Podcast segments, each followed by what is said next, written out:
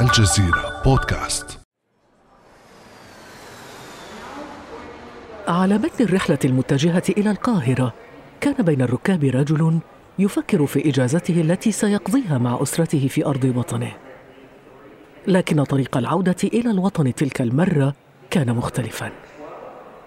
حين وصل محمود إلى مطار القاهرة وجد بانتظاره رجال الأمن. احتجزوه في غرفة وبدأوا التحقيق معه لمدة ست عشرة ساعة ليفرج عنه بعد ذلك بمصادرة جواز سفره. بعد أيام قليلة وتحديدا في الثالث والعشرين من شهر ديسمبر عام 2016 اقتحمت قوات الأمن ليلا منزل محمود واقتادوه مكبلا إلى جهة غير معروفة. بابا لما نزل القاهرة بابا يعني ما كنت بقول له بابا هيحصل مشاكل أو كده كان بيقول لي لا يعني بنتي دي بلدي أنا ما عملتش حاجة ما فيش حاجة عليا مفيش أي قضية عليا. ما الجريمة التي ارتكبها محمود؟ ولماذا حدث كل ذلك معه؟ بعد أمس من الجزيرة بودكاست أنا خديجة بن جنة. نرحب في هذه الحلقة بزميلنا معتصم أبو داري المساعد التحريري لمدير قناة الجزيرة وعضو لجنة الأزمات في شبكة الجزيرة. أهلا بك. مرحبا بك خديجة. معتصم شو أخبارك؟ الله. أهلا وسهلا بك. معتصم أنت تابعت عن قرب قصة زميلنا محمود حسين المعتقل في السجون المصرية منذ ثلاث سنوات. اليوم يكمل ثلاث سنوات بالضبط. خلينا نعود إلى البداية لأنه أنا شخصيا أتذكر تماما المشهد أمامي عندما كان محمود حسين في غرفة الأخبار كنا معا وفي ذلك الوقت قال لي خديجة أنا سأذهب إلى مصر لزيارة العائلة لكن عندما ذهب واستجوب لمدة 16 ساعة في المطار واعتقل تساءلنا جميعا ما هي التهمة التي يمكن أن توجه إلى زميل يؤدي عمله بشكل عادي مثل أي صحفي في العالم؟ نعم. رسميا ما هي التهمة التي كانت موجهة هو؟ دعيني أتكلم بعيدا عن العواطف في البداية وأتكلم بالعقل والمنطق. اليوم في 23 من ديسمبر يكمل الزميل محمود حسين عامه الثالث ويبدأ في العام الرابع من الحبس الاحتياطي. قيل أن التهم التي وجهت له انضمام إلى جماعة آه، محظورة. قالوا أنه بث أخبار كاذبة وهذه طبعا حقيقة تهم لفقت إلى الزميل محمود يعني تقرأ الكثير من ما يكتب حول قضية محمود حسين هل تعتقد أنه هناك شيء له علاقة بانتماء أيديولوجي انتماء سياسي غير العمل الصحفي؟ أخت خديجة محمود شخصية بسيطة شخص قروي هو يعني وصعيدي ابن, ابن و- صعيدي مم. وابن بيئته وهو يعني من قرية اسمها زاوية أبو مسلم يحبه الناس طيب المعشر يعني محمود من عرفه عن قرب يعرف كرمه وإنسانيته وحبه للناس محمود ليس له أي جرم سوى أنه نقل الحقيقة إلى الناس نقل الصورة نقل واقع الشعب المصري ماذا يعانيه هذا الشعب المصري. محمود حقيقة كان شخصية متوازنة جدا في تغطيته.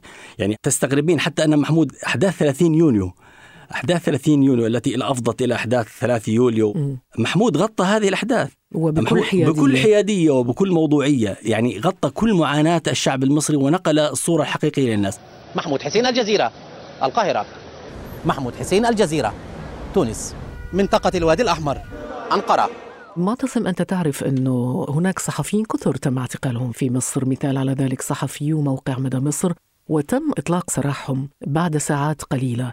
اتهمت نيابة أمن الدولة العليا في مصر جماعة الإخوان المسلمين بأنها تقف وراء تأسيس موقع مدى مصر وقالت النيابة أن تفتيش الموقع أسفر عن ضبط آلات ومعدات تستخدم في الجريمة موضع التحقيقات. وأفرجت سلطات الأمن المصرية عن عدد من الصحفيين العاملين في موقع مدى مصر بعد اعتقالهم وجاء ذلك. لماذا الإصرار على إبقاء الزميل محمود حسين رهن الاعتقال؟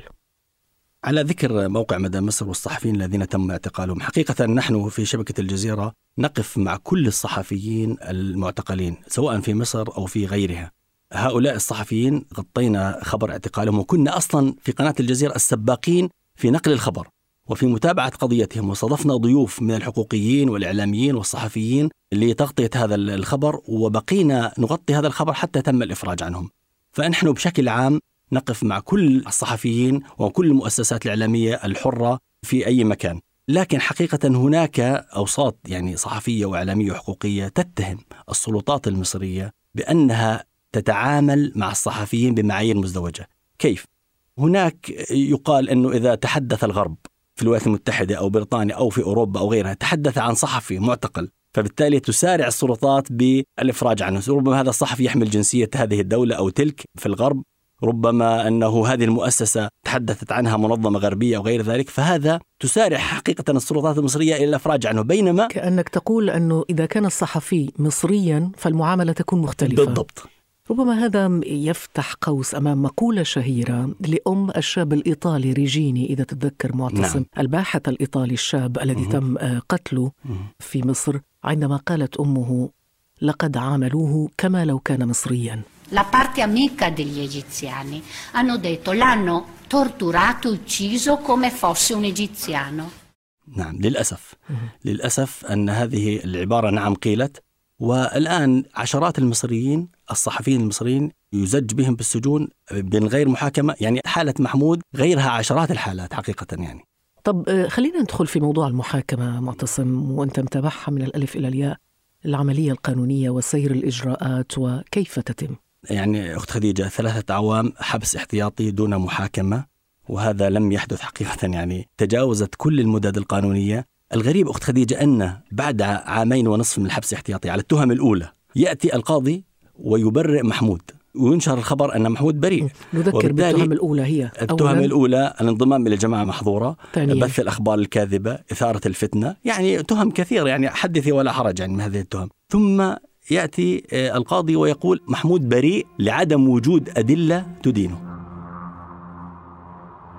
في يوم مشرق يرى فيه النور بعد ظلمات السجن الطر وجدرانه الرمادية اذا يستعد محمود للخروج من الزنزانة التي بالكاد يستطيع التنفس فيها ليمضي ليلة أخرى في غرفة مظلمة في قسم شرطة أبو النمرس. في صباح اليوم التالي حين كانت تنتظره عائلته نقل محمود إلى النيابة للتحقيق في قضية جديدة. وعادت القضية إلى نقطة البداية. معتصم رغم صدور قرار قضائي من محكمة مصرية إذا كما ذكرت وهو قرار يخلي سبيله ويبرئه تماما يعاد مرة أخرى محمود إلى السجن. وهذه المرة التهمة هي التخابر مع جهات أجنبية وهو موجود داخل السجن. كيف استقبل هذا القرار؟ يعني حقيقة استقبلناه باستهجان واستغراب كبير جدا. كيف لشخص داخل المعتقل يتخابر مع جهات أخرى ويبث أخبار كاذبة؟ يعني شخص أصلا في وضع لا يسمح له أن يتواصل مع أحد. بالكاد تزوره عائلته بالكاد يرى أصدقائه. إن كان عليه أن يمثل أمام المحكمة فليمثل أمام المحكمة أما أن يبقى رهن الاعتقال دون أن توجه له تهمة. في ظروف صحية آه، آه، مثيرة للشفقة. دون أن يحظى برعاية. هذا أمر لا يليق لا بمصر ولا يستحقه محمود. طيب ظروف الاعتقال وإعادته مرة أخرى معتصم إلى السجن بتهمة مزورة وكاذبة تهمة التخابر مع جهات أجنبية وهو داخل السجن. كيف أثر هذا القرار على أسرته على والده؟ طبعا الله يرحمه لأنه توفي والده نعم. فيما بعد. بعد كل الفرحة والابتهاج الذي عم الأسرة وأيضا الزملاء في قناة الجزيرة. دعيني أذكر لك القصة. والد محمود عندما زاره قبل ثلاث سنوات في أول زيارة كان رجل الحمد لله معافى في بدنه وفي صحته. عندما شاهد محمود ابنه البكر الكبير خلف القضبان لم يتحمل هذا المشهد. بعدها بأيام قليلة أصيب بجلطة دماغية. نقل على إثرها المستشفى. وتوالت الجلطات الدماغية حتى أصبحت خمس جلطات أصيب بها والد محمود أثناء فترة اعتقال محمود. ثم في سبتمبر قبل حوالي ثلاثة أشهر انتكست حالة آه، والد محمود وأدخل إلى المستشفى وكان في حالة حرجة جدا إلى العناية الحثيثة. في هذه الأثناء التمست العائلة طلبا إلى مصلحة السجن محمود. إلى أن يقوم محمود بزيارة والده حتى يطمئن عليه. هنا تخيلي أخت خديجة. على العكس يعني محمود يخرج من السجن ليزور ليزور والده في المستشفى. ورفض الطلب؟ لم ينظر به حتى. يعني لم تنظر مصلحه السجون في هذا الطلب ابدا. وبقي شهران من المعاناة محاولة أن يخرج محمود إلى زيارة والده إلى أن جاء الخبر للأسف بوفاة والد محمود عليه رحمة الله. ربما معتصم المرة الوحيدة التي استطاع أن يخرج فيها محمود هي لدفن والده لحضور مراسم الدفن وهذه خديجة جاءت بضغوط شديدة جدا من مواقع التواصل الاجتماعي ومنظمات حقوقية وإنسانية طالبت السلطات المصرية أن تفرج عن محمود نعم. حتى يقوم بدفن والده بعد أكثر من عامين من مكوث محمود في الحبس الاحتياطي خرج من السجن لأول مرة بعدما سمحت له السلطات المصرية بالمشاركة في دفن والده ظاهرة عليه علامات التعب والإنهاك مما يشير إلى ضعف الرعاية الصحية التي يتلقاها الزميل محمود حسين. رعاية صحية مفقودة حبس احتياطي لثلاث سنوات يتم تجديده من طرف النيابة بدون أي سند قانوني. اتهامه بتهم لا أساس لها من الصحة كالتخابر وهو داخل السجن. حبسه احترازيا كلما انتهت فترته دون أي أفق بمحاكمة عادلة. طيب هذا يفتح سؤالا كبيرا عن دور المنظمات الدولية المدافعة عن حقوق الصحفيين من قضية محمود نعم. حسين. حقيقة هناك تضافر كبير للجهود تقوم بها مؤسسات صحفية وإعلامية وحقوقية تمارس الضغوط على الحكومة المصرية من أجل أن تفرج ليس عن محمود فقط عن عشرات الصحفيين المعتقلين داخل السجون أكثر من عشرين منظمة معنية بحماية الصحفيين وحرية الرأي والتعبير وحقوق الإنسان دانت اعتقال السلطات المصرية لصحفي دون محاكمة واستنادا إلى اتهامات وصفت بالكيدية والملفقة. هذه الجهات وغيرها من اتحادات ونقابات للصحفيين فضلا عن مؤسسات إعلامية ودولية تضامنت مع قضية الزميل محمود وطالبت بالإفراج عنه فوراً. هل تعتقد معتصم وأنت أكيد على تواصل مع هذه المنظمات أنه هناك فعلا شيء يمكن الاعتماد عليه في الضغط على السلطات المصرية من طرف هذه المنظمات في سبيل الإفراج على محمود؟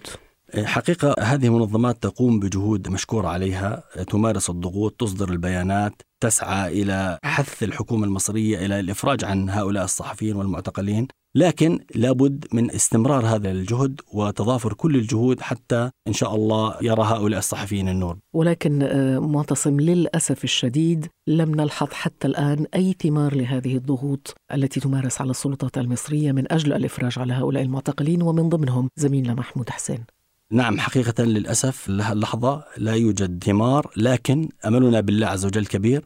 إن شاء الله يرى زميلنا محمود النور بإذن الله إن شاء الله والجزيرة ماذا تفعل من أجله؟ الجزيرة يعني على التحركات والإجراءات التي تقوم بها غير طبعا توفير المحامين ويعني هيئة الدفاع لمحمود ومتابعة الإجراءات القانونية ماذا عن التواصل مع المنظمات وذلك؟ الجهود أخت خديجة مستمرة في كل الاتجاهات في الجانب القانوني في الجانب الإعلامي في الجانب الحقوقي هناك يعني والجانب الإنساني والجانب أيضا مع الإنساني أسرته. أيضا مع أسرته. كل هذه الخطوط تعمل معا وبتناغم وبانسجام كبير. حقيقة أخت خديجة نحن في شبكة الجزيرة لا نيأس أبدا من هذا العمل. فبالتالي نحن على يقين إن شاء الله أن الزميل محمود سيخرج إلى حضن أسرته سيخرج بين زملائه سنجده إن شاء الله بيننا هنا في الدوحة سيغطي الأحداث سيعود إلى عمله بإذن الله. عندي أمل وعندي أمل خصوصا إن هو ما فيش عليه تهم محدده وما فيش عليه تهم ليها اي أساس من الصحة.